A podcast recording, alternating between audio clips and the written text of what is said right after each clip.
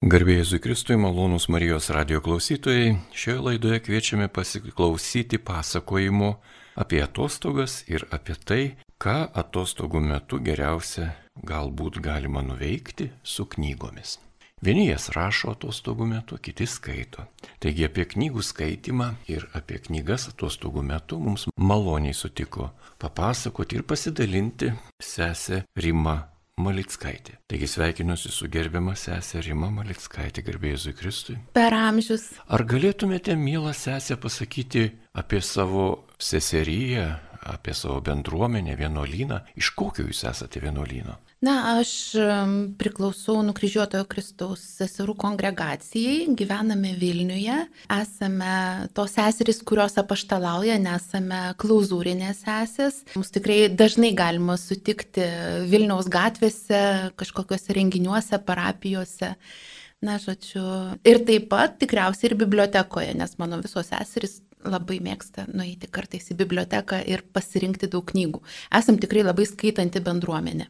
Tai jūs turite turbūt ir savo biblioteką vienuolynę kažkokią. Tai be abejo, man atrodo, kiekvienam vienuolynė, bent jau visuose vienuolynuose, kuriuose yra tekę būti, yra e, biblioteka. Jinai gali būti labai įspūdinga, gali būti mažiau įspūdinga, bet paprastai jau vienuolynuose būna ir seserys ir broliai vienuoliai kaupia ypač dvasinę literatūrą, dvasinio turinio literatūrą, nes kartais tą knygą labai verta na, paskaityti ir dar kartą, o kartais kam nors paskoliname knygas, taip kad tikrai turime ir pačios sukaupusios nemažą fondą. Ar grįžta knygos, kurias paskolinate? Įvairiai, bet aš manau, kad jeigu knygos žmogui labai labai reikia, tai, na, kartais jai ten ir reikia pasilikti tuose namuose, kuriuose jinai užsibuvo. Kartais taip nutinka. Pasiklausysime, ką jūs mums patarsite, ką reikėtų skaityti per atostogas, o ką jūs skaitote per atostogas ar tuo metu, kai kiti žmonės atostogauja. Na, Aš galvoju, kad per atostogas galima skaityti labai, labai skirtingas knygas. Ir tikriausiai ir reikėtų skaityti skirtingas knygas. Aišku, žmonės skaito labai skirtingų greičių, kartais atostogoms užtenka vienos knygos, tačiau tiems skaitytojams, kurių, na, pajėgumai yra spartesni, tai tikrai siūlyčiau pasirinkti kuo įvairesnę literatūrą. Na, pirmiausiai, nebijoti pasimti absoliučiai pramoginę literatūrą, pasimti kokį nors detektyvą, kad iš tiesų atsipalaiduotumėt per atostogas. Aš pati visada turiu ant savo spintelės būdinti detektyvą, kad jeigu jau nebegalėsiu nieko kito skaityti, galėčiau tiesiog pasimti šitą knygą ir, ir tęsti tą savo skaitimą ir paslapčių įminimą. Tačiau iš tiesų, vat, po to atsipalaidavimo, atsigavimo, atostogos yra tas metas, kai nesam labai e, intelektualiai apkrauti nesam kažkaip atsigauname protiškai ir, ne, ir kartais turim truputėlį daugiau pajėgumo paskaityti ir rimtesnės knygas. Tai tikrai labai siūlyčiau ir dvasinio turinio knygų pasiimti, bet taip pat ir grožinės literatūros, na, truputėlį tokio gilesnio, gilesnio įdomesnio e, turinio knygų paskaityti. Kaip tas knygas pasirinkti? Vėlgi yra įvairūs sąrašai, kurie yra publikuojami, bet aišku, turėkim galvoje, kad tie apžvalgininkai, kurie apž apžvelgia knygas, ypač tas naujausias knygas, kad na, tai, tai yra žmonės, kurie atlieka savo darbą ir jie apžvelgia e, knygas, kurias jiems pasiūlo leidyklos. Bet, bet vis dėlto aš pati kaip kartais renkuosi knygas, užeinu ir perskaitau atsiliepimų apie tą knygą kažkur internete arba, arba na, nežinau, visokiuose forumuose, galų gale socialiniuose tinkluose. Ir jeigu yra žmogus, kurio, kurio parinkimu pasitikiu, labai dažnai tomis rekomendacijomis ir nenusiviliu. Būna labai smagu paskaityti kažkieno kito pasiūlytą knygą. Taigi malonus radio klausytojai, šiandien laidoje kalbame apie knygų skaitimą būtent tuo ypatingu laikotarpiu, kurį daugelis vadina vasaros atostogos. Šiandien mums apie tai pasakoja sesė Rima Malickaitė. Ji yra vienuolė, Vilnietė. Nauji laikai atnešė ir naujas galimybės ir daug žmonių šiuo metu skaito knygas interneto pagalba, tiesiog skaito kompiuteryje. O jums kaip smagiau? Popierinė knyga ar ta ekrane? Na, aš vis dėlto mėgstu popierinę knygą, mėgstu ją prisidėti skirtukų, kartais jeigu yra knyga negrožinė, bet, bet kažkokio, na, kitokio turinio, dvasinė arba, arba, nežinau, mokslinė, pažintinė knyga, aš mėgstu pasibraukti, man labai svarbu pastabą susirašyti. Na, e, kažkaip ir tas na, lėtimo, vėlgi toks paliesti knygą, vartyti ją, man kažkaip labiau patinka. Kompiuteryje e, skaitau tik tai tai, kas yra neišvengiama, tai jeigu kažkoks straipsnis yra, kurį turiu perskaityti, bet neturiu kantrybę skaityti skaityti kompiuteryje arba, arba, nežinau, skaityklėje man tikrai nepatinka, bet yra žmonės, kurie pripratę, tikrai pažįstu labai nemažai žmonių, kurie skaito tik skaityklėje ir jiems yra taip daug patogiau, nes vienu metu gali toje skaityklėje tikrai turėti daug knygų ir pasirinkti pagal situaciją, ką jie tuo metu gali, nori skaityti. Taip pat e, man vis labiau pradeda patikti audio knygos, Ypač jeigu einu pasivaikščioti arba, nežinau, reikia plauti grindis, pavyzdžiui, ar ne, kai galva visai nieko neužimta, yra visai smagu kartais pasileisti audio knygą ir ypač jeigu jinai yra gerai įskaityta ir, na, va, tiesiog tokiu būdu vėlgi, na, galbūt čia reikėtų sakyti, kabutėse perskaityti knygą, bet vis dėlto, na, su ją susipažinti, kas, kas joje parašyta, kas joje pasakojama.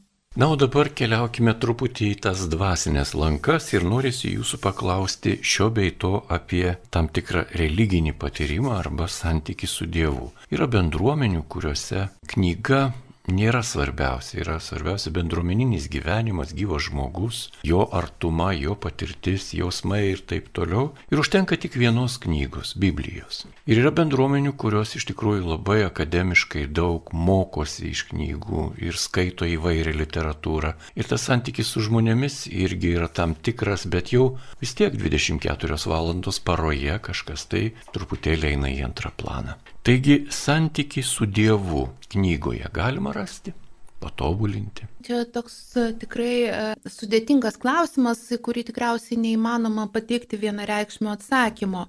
Kartais mes knygas skaitome ir turime santyki tik, e, nežinau, su popierium, su puslapiu, su atspausdinta raide.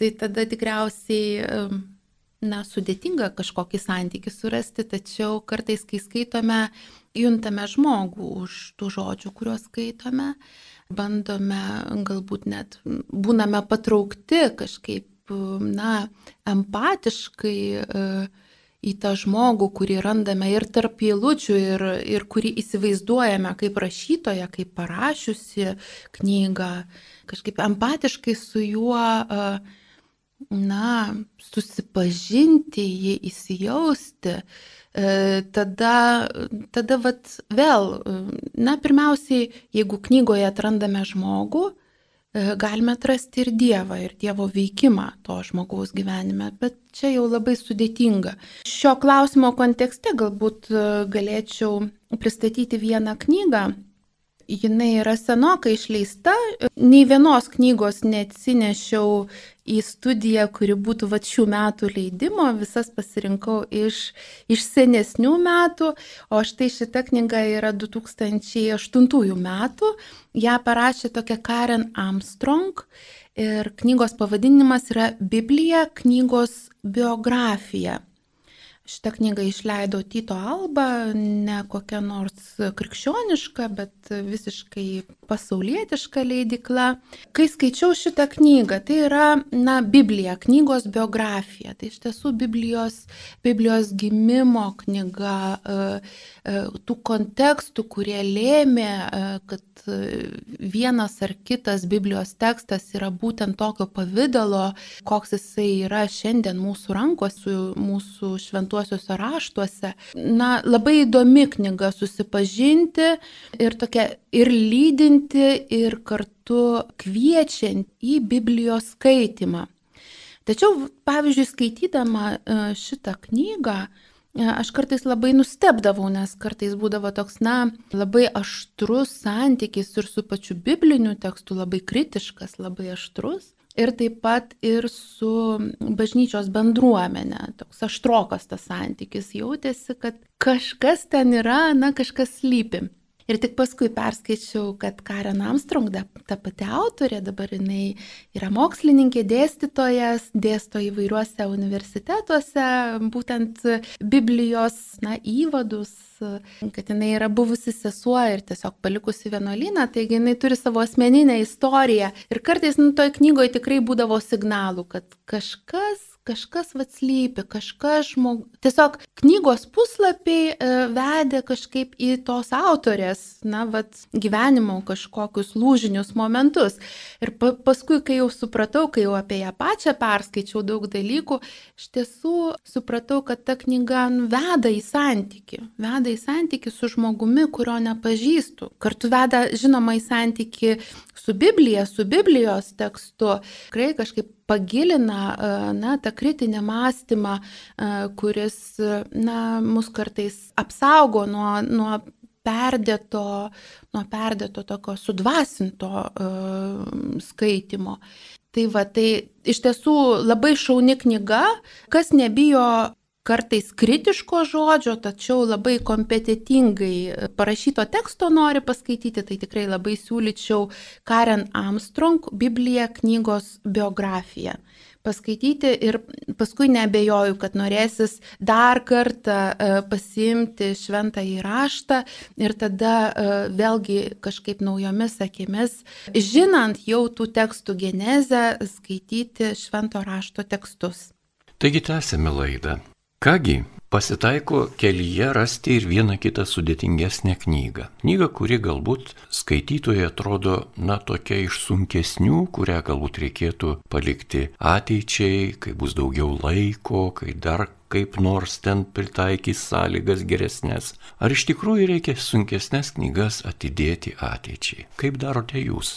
Kartais nesinori tų sudėtingų knygų, man atrodo labai svarbu um, nepradėti, kažk... ne, neįvaryti savęs į kažkokius rėmus, kad aš turiu būtinai skaityti tik sudėtingas knygas, tik tas, kurios yra ten, nežinau, knygų tūkstantukė e, pasaulio, skaitysiu tik rimtas knygas, nes jeigu skaitysiu nerimtas knygas, tai būsiu nerimtas žmogus, arba galima dar savo visokių etikečių sugalvoti, blogas krikščionis, jeigu neskaitau dvasinių knygų, visą tai netaip yra. Kartais norisi paskaityti lengvesnių knygų, e, kartais norisi pasimti ir iš tiesų įsigilinti. Tai vėl galbūt, galbūt nežinau, šventosios dvasios veikimas irgi, irgi yra, aš, aš pati atsimenu kaip vieną kartą per vienas rekolekcijas tos rekolekcijos buvo tylos rekolekcijos ir man labai buvo sunku melstis. Ir tada e, tiesiog žmogus, kuris mane palydėjo per tas rekolekcijas, sako, gal tu nori knygą paskaityti. Aš sakau, na, gal ir nieko būtų, ką nors paskaityti, taip, na, tokio, bet tokio protingo. Ir tada man davė Ratzingerio krikščionybės įvadą. Tai tikrai su ta knyga man labai daug kas prasidėjo sudėtinga knyga, bet štai buvo momentas, aš prieš tai buvau bandžiusi tą knygą paimti, bet jinai vat, neprilipo bent kelis kartus, o tuo metu prilipo ir aš tiesiog, na, negalėjau atsitraukti ir, ir na, tiesiog man tokiu būdu įvyko rekolekcijos. Galbūt aš sakyčiau, na, kai mes renkamės knygas, sunki, lengva, čia aišku, vienokią argumentaciją pasirinkimui. Tačiau, kad ir kokią knygą pasirinktume, sunkia ar lengva, skaitant reikia mąstyti, apmastyti tai, ką mes perskaistome, ne tik prabėgti eilutėmis, bet, bet iš tiesų apmastyti. Ir kartais labai sudėtingą knygą perskaitę negausime na, tiek dvasinio peno, kiek perskaitė labai lengvą knygą, lengvą kabutėse knygą, bet perskaitė ir ją apmastė. Man labai patiko vienos knygos e, herojus, ta knyga vadinasi Giledas, autoriaus neatsimenu, grožinė knyga apie vieną pastorių, kuris, e, būdamas senyvo amžiaus, turi mažą sūnų ir rašo jam, na, tokį didelį laišką apie visą gyvenimą. Ir vienoj vietoje tas pastorius sako, aš savo gyvenime pirkau dešimt kartų daugiau knygų, negu jų galėjau perskaityti. Ir perskaičiau dešimt kartų daugiau knygų, negu galėjau suprasti.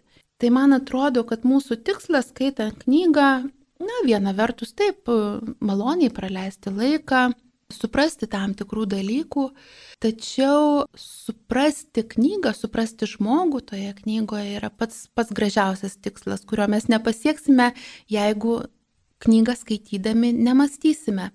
Palėtėte tikrai labai įdomų knygų skaitimo tokį patyrimą. Vieni knygą skaito giliai, taip kaip ir miega giliai, o kiti paviršutiniškai bėga per tekstą ir kai kurios net teksto fragmentus tiesiog praleidžia. Čia neįdomu, ten esmė nepasakyta. Yra įvairių skaitimo būdų. Gal galėtumėte truputį papasakoti, pasidalinti apie tos skaitimo būdus, kokius jūs naudojate, kai yra iš reikalo skaitoma knyga, programinė kažkokia būtinai, arba kažkokia labai mėgstamo autoriaus, kurį esi pamylęs, pažinęs. Taigi kaip jūs darote? Na, jeigu atsiranda pakeli knyga, kurią aš būtinai turiu perskaityti, nu, kaip jūs sakote, programinė knyga, na, tai tada tiesiog sutelki valią ir perskaitai. Vėlgi, jeigu skaitysime tik iš prievartos dėl to, kad reikia perskaityti knygą, tikriausiai iš tos knygos daug nepasisemsime. Tačiau jeigu rasime vidinės motivacijos, kad, na,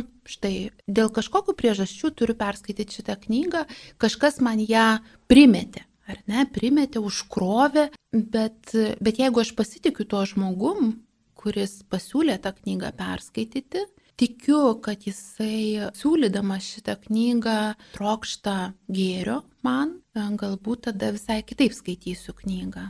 O O tarkim, na. Paviršutinis ir gilus skaitimas.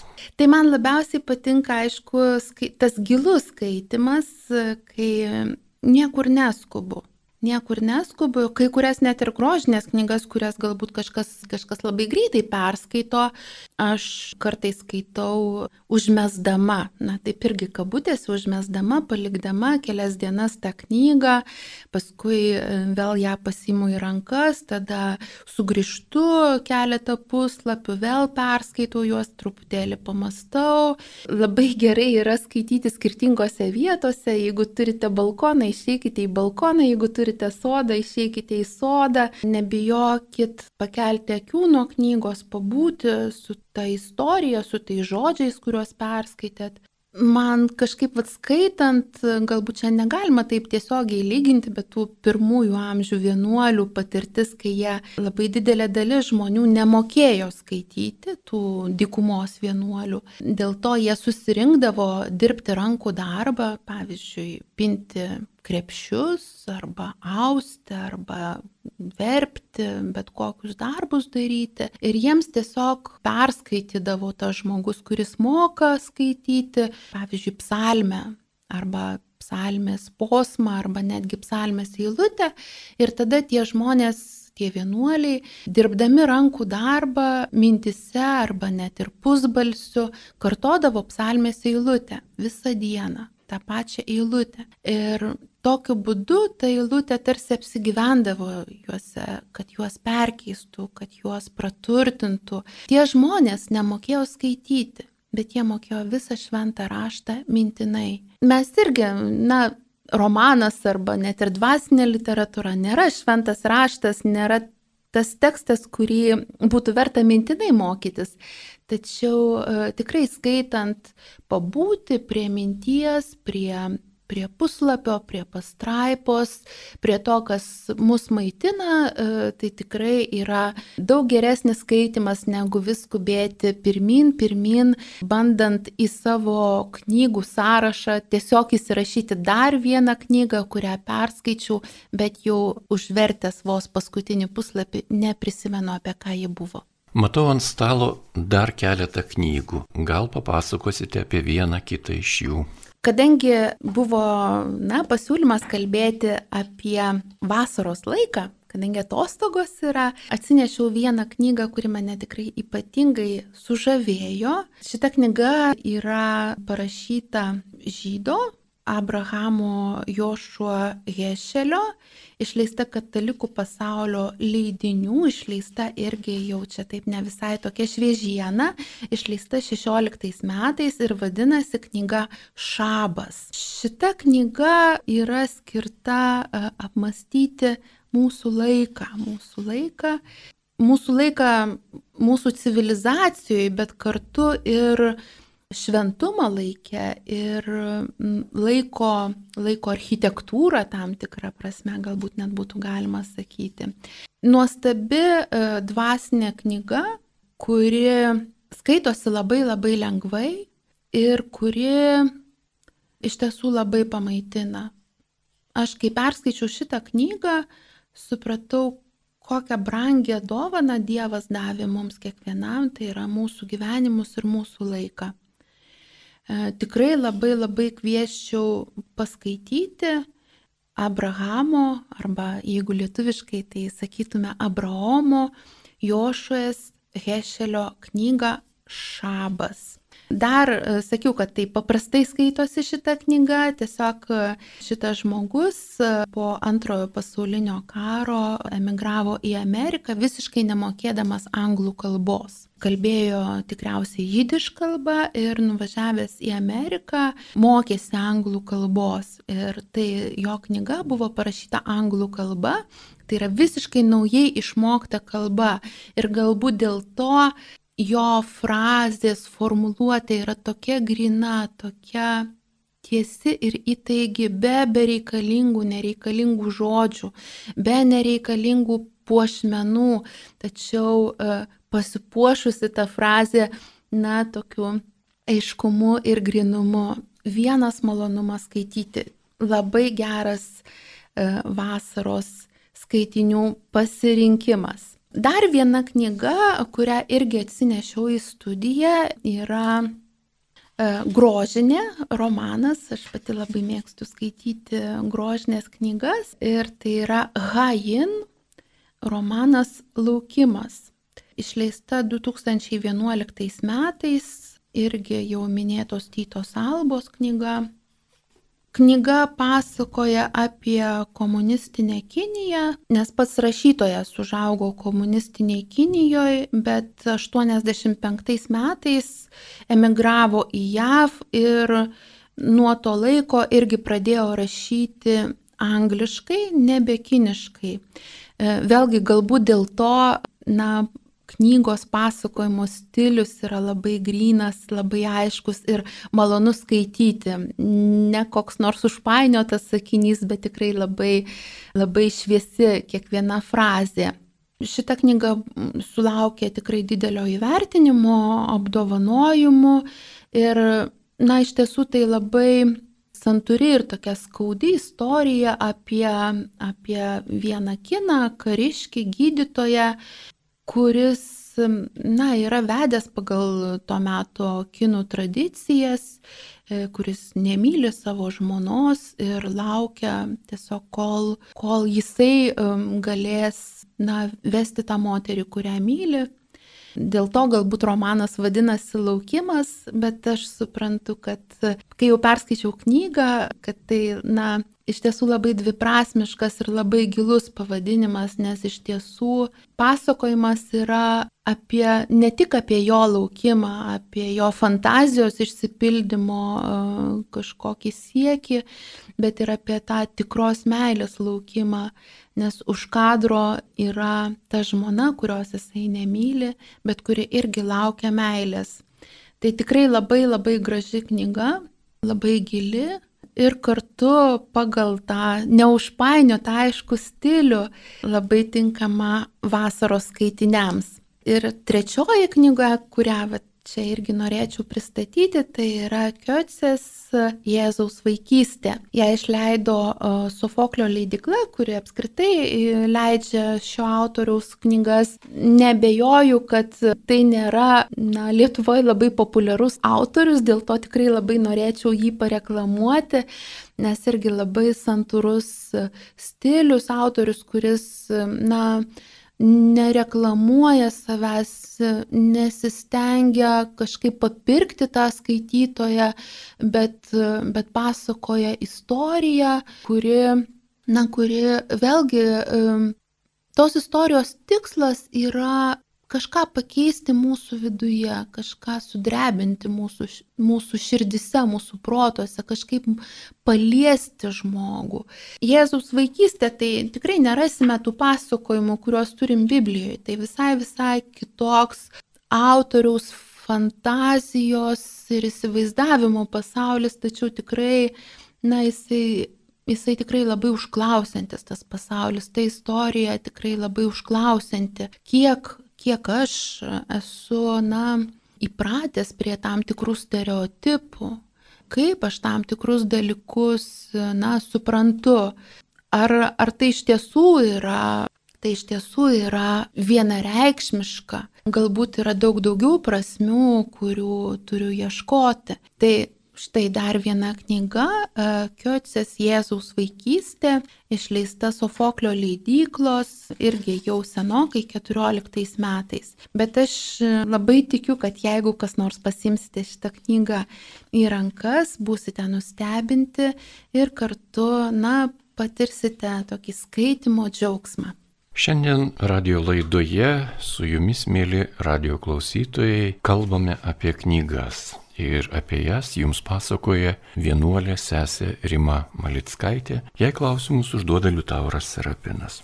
Laidos dar liko 10 minučių ir norisi pakreipti kalbą tą linkmę, kuri na, būtų skirta tiem žmonėms, kurie nėra skaitytojai arba kitaip prieima informaciją ir grožinę literatūrą pakeičia į kiną, į video meną, teatrą arba radio, televiziją, internetą.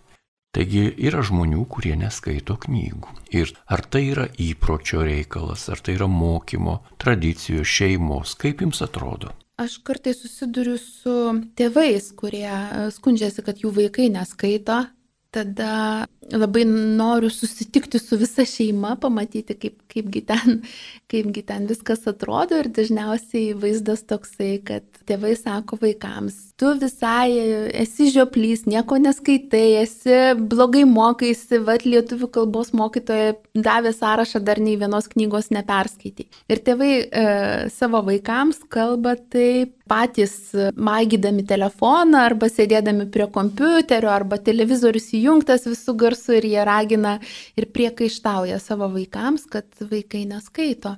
Tai, tai iš tiesų, man atrodo, labai svarbu tas pavyzdys, kad, na, skaitant vėlgi tą informaciją mes gauname kažkokiu kitokiu būdu, truputėlį galime įsigilinti, ar ne? Jeigu visa informacija yra tik iš telefono arba tik, tik iš kompiuterio, rizikuojame, na, kad, kad tai ir bus toks, na, paviršutinis tos informacijos prieimimas.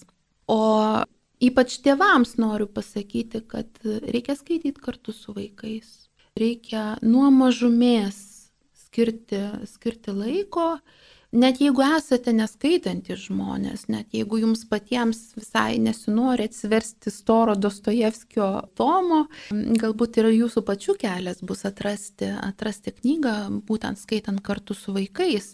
Su vaikais skaityti ypač yra įdomu, nes jie paklausia.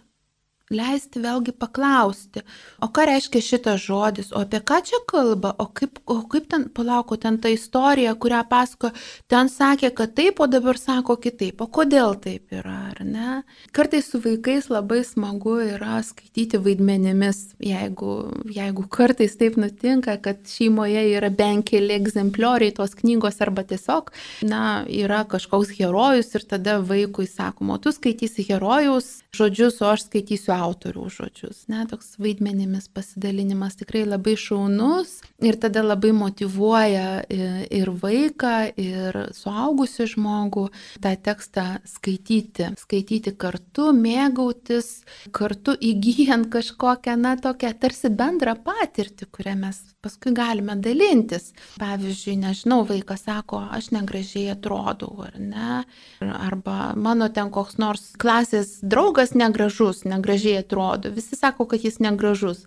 Ir jeigu būsite kartu perskaitę e, pasaką apie varlę paverstą princą, galbūt, na, vėlgi galėsite šitoje situacijoje visai kitaip su savo vaiku kalbėtis, primindami tą pasaką ir primindami, kad varlė gali virsti princu ir kad ta išvaizda ne viską, ne viską lemia. Turėti tokį kažkokį uh, auksinį bendrų patirčių fondą, bendrų istorijų fondą su vaiku, uh, tada galima su juo kalbėtis vėlgi nemor nemoralizuojant, ne grumuojant jam pirštu, bet, na, tiesiog atsiriamant į tą bendrą patirtį.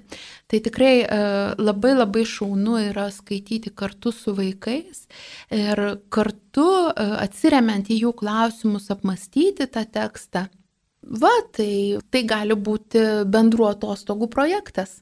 Taigi laidos pabaigai, mielas sesė, ačiū, kad priminėte apie rolės, netgi rolės skaitant knygas su vaikais, tai yra be galo gražus užsiemimas arba pastatymas kokio spektaklio kaime ar prie jūros pagal perskaitytą knygą tuo metu. Tai knygos mūsų gyvenime vis tiek iškyla, jos vėl sugrįžta į mūsų pasaulį ir man norisi užduoti sunkų klausimą. O kaip jūs žiūrite į žmonės, o tokių tikrai būta, kurie degina knygas? Ir mes tą esame matę ir žinome iš istorijos, įvairių ideologijų, kokie turi būti žmonės, kad jiems knyga keltų tokį pavojų ir jas tiesiog reikėtų naikinti. Aš iškart norėjau pasakyti, kad e, jeigu mes ką nors naikiname, tai e, labai dažnai kalba apie mūsų baimę. Ir e, galbūt ne knygą reikia deginti, bet atsisukti į save ir pažiūrėti, kogi aš bijau Ir dabar, na, tiesiog čia deginimas, čia toks simbolinis aktas, ar ne, bet, bet kartais yra namuose paslėptų knygų, kurių, kurių galbūt kažkam dar nelaikas skaityti, ar ne, arba tiesiog bijome, kad perskaitys, ar ne, ir ko mes bijome, ko mes bijome, kad mūsų paklaus apie kažką, o kaipgi ten iš tiesų buvo.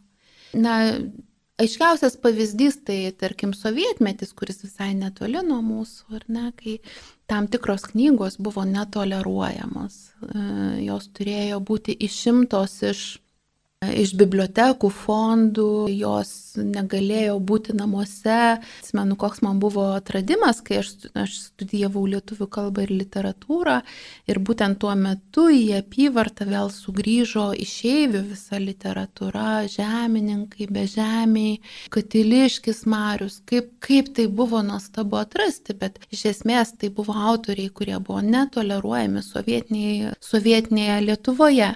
Akivaizdu iš baimės, kad, kad ateis, na, laisvės žinutė, kad tas sovietinis žmogus gali susižavėti tą laisvės žinutę. Kita vertus, mes kartais elgiamės taip pat. Turiu vieną tokį pažįstamą mokslininką, istoriką, kuris, na, iš tiesų, jo mokslinis interesas studijuoti studijuoti vat, visą tą sovietinį gyvenimą, tikrovę. Ir, ir jisai pasako, kaip nuėjo į biblioteką ir niekaip negalėjo gauti tam tikros visiškai sovietinės literatūros, nes jinai yra išmetama. Na, Be abejo, suprantu, kad Lenino raštų laikyti kiekvienoje bibliotekoje tikrai neverta, bet, bet tiesiog tam, kad mes suprastume save, suprastume savo istoriją, suprastume tam tikras traumas, kurios mus ištiko ir e, dėl kurių kartais net ir šiandien mes elgiamės vienaip arba kitaip, vis dėlto bent jau tyrimų tikslais bent po vieną egzempliorių e, nereikėtų sudeginti tų knygų, kurių šiandien gal skaityti nenorime ir kur norėtume paneigti ir pasakyti, kad štai šito istorijos etapo nebuvo, mes nebuvome tokie, mes buvom kitokie, bet kartais labai labai sveika pripažinti, vis dėlto buvau toks, bet nenoriu toks būti, šiandien su Dievo malone tampu kitoks. Liaudiškai kalbant, arba šeimoje, arba, na, draugų pažįstamų tarpe, kartais mes naudojame tokį posakį. Vaikeli, vaikeli, jeigu knygų neskaitysi, reikės sunkiai dirbti ir gyvenimas bus sunkus. Tas posakis tikrai nėra atsitiktinis, tai nėra tik tais kažkoks, na, kartų kovo ženklas arba ideologijų arba kultūrų ženklas, bet iš tikrųjų skaitimas žmogui labai labai daug duoda. Laidos pabaigai, mielas seserima, kaip jūs paragintumėte arba kaip jūs sužadintumėte žmoguje, kuris neskaito knygų, paimti rankas knygą ir pabandyti tai padaryti? Galbūt tiesiog galėčiau pasakyti, čia dabar net nežinau, kieno tai mintis, bet tikriausiai ir kiekvieno skaitytojo mintis, kad mes, tie žmonės, kurie skaitome, mes turime tūkstančius gyvenimų, tūkstančius istorijų, tūkstančius galimybių būti empatiški, tūkstančius galimybių pažinti kitą žmogų, jo motivaciją, jo tikslus iš vidaus, kaip jis pats tai pasakoja. Tikrovėje mes tai išgyvename labai labai retai, kad žmogus visiškai atsvertų ir, ir pasakotų, kas jam ant širdies guli. Tai čia nežinau, psichologo kabinete arba pas kunigą galime va, taip tai sutikti. Tačiau labai dažnai gyvename tuos gyvenimus, kur net pačiu artimiausių žmonių motivacijos iki galo negalime suprasti, negalime suprasti, kas jų širdise yra. O knygos pirmiausiai yra nuostabi priemonė auginti, ugdyti savo empatiją kitam žmogui. Empatija, kitas vardas artimo meilė. Tai tiesiog, jeigu norime mylėti kitus ir, ir patys būti mylimi, tada bandykime įsigilinti į kitą žmogų. Paprasčiausia priemonė tam yra knyga. Dėkuoju Jums už pasidalinimą, už šią laidą, už pristatytas knygas vasaros atostogų laikotarpiui, Jūsų žvilgsnių, Jūsų patyrimų. Dėkuoju Jums už tai, kad radote laiko ir Marijos radio klausytojams priminti apie nuostabų dalyką - knygą. Taigi šiandien laidoje su jumis, mėly radio klausytojai, dalinosi vienuolė sesė Rima Malickaitė. Jei klausimus uždavė Liutauras Serapinas, ragindamas skaityti ir likti net su Marijos radiju.